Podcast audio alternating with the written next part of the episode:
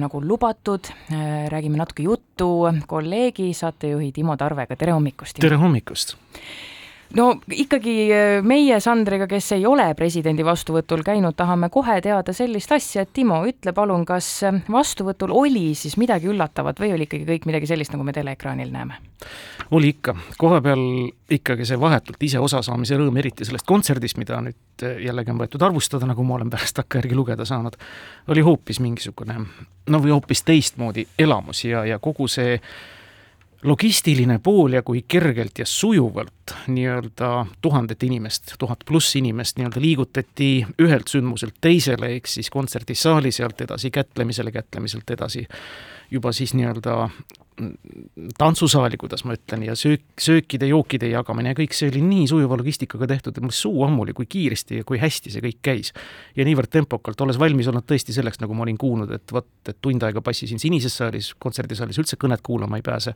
ja siis passi järgmine hetk passi seal, seal tõi nüüd nii palju aega parajaks, mitte ühtegi sellist hetke ei olnud, kus ma oleks istunud ja mõelnud, et nüüd on küll liiga kaua istutud, mul tekib see tunne tavaliselt keskmisest kiiremini. nii et tegelikult ikkagi positiivne üllatus, et sellist äh, muidugi tahaks kaevata, et mida midagi pidi ikkagi vastukarva ka olema, aga pigem, pigem ei aru, leidnud ühtegi sellist hetke, kus oleks midagi vastukarva olnud, ma vist mõtlengi nüüd väikselt selle kontserdikava kaitsja rolli enese peale, see oli tegelikult väga ilusti, väga südamlikult üles ehitatud kava, aga mis ilmsesti oli suunatud pigemini siis ma arvan nendele, kes saalis istusid. sest saalis vaadates, visuaalis olles, kuulates neid laule, vaadates ülesastumisi, kulges kõik väga tempokalt, ei tekkinud üldse sellist ängistuse tunnet, nagu ma olen lugenud siin. Ja ilmselt võib-olla televiisoris olekski tekkinud see ängistuse tunne, ma ei tea. jaa, kusjuures kodus enda vanemate ja lähedastega seda kontserdi vaadates tekkiski see tunne, et et tundub, et see on mõeldud nendele diplomaatidele, nendele tähtsatele inimestele, kes on, kes on sinna saali tulnud, aga ma saan aru, et Timo, sina ei ole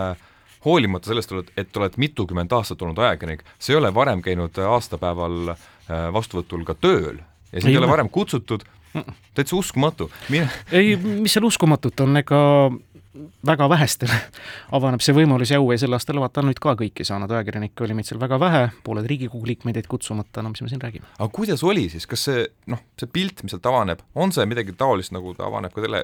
tele, televiisori äh, vaatest? üldjoontes küll, üldjoontes küll, et seal on väga palju ilusasti riidesse pandud inimesi ja, ja ennast ise riidesse pannud ilusasti inimesi, väga tore, et Ivan Orav eh, nii-öelda oli toodud sinna siis meelt lahutama, suuniseid jagama, muuseas tal oli väga praktiline ülesanne, ülesanne antud, ta andis väga muhedal moel edasi kõik selle, kuidas te nüüd peate edasi käituma, ärge kätlemisel liiga kauaks seisma jääge, president karistab teid niikuinii nägupidi ja nõnda edasi. sellisel Ivan Oravlikul moel toimetas. ja Ivan Orava nii-öelda kohalolek meenutas mulle ka seda õhkkonda, mis seal on, et äh, nagu esimese Eesti Vabariigi aegu.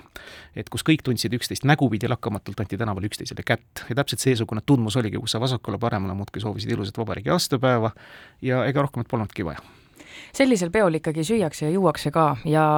ei tuleb küsida, mida pakuti süüa, mida pakuti juua, kas alkoholi pakuti ka? alkoholi pakuti ka, seal olid valget ja punast veini nii-öelda võtmiseks, aga üldiselt olid puhvetid avatud ja ma ei ütleks, et väga pikad järjekorrad olid seal taga, aga noh, mingisuguseid peenemaid kokteile ikka võeti endale. ma nüüd ei käinud uurimas muidugi spetsiaalselt, ise ma ei võtnud.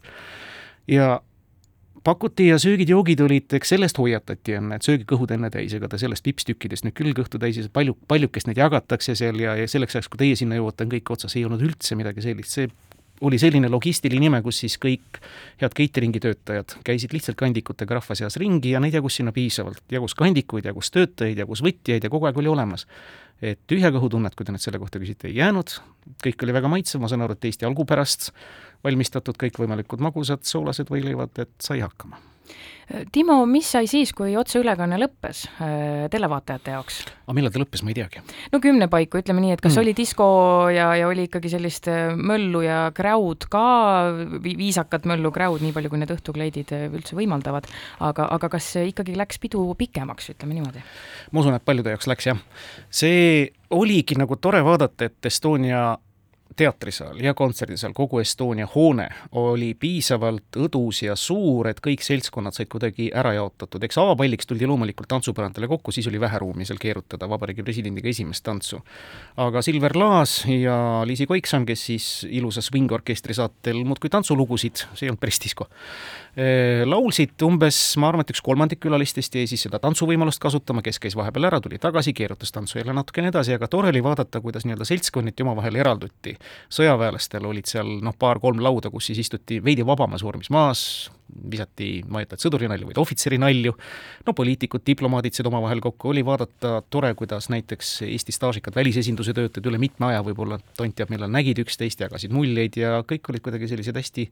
elevad ja helges meeleolus, sattusin peale ka ühele peaaegu et klassi kokkutulekule ja väga tore oli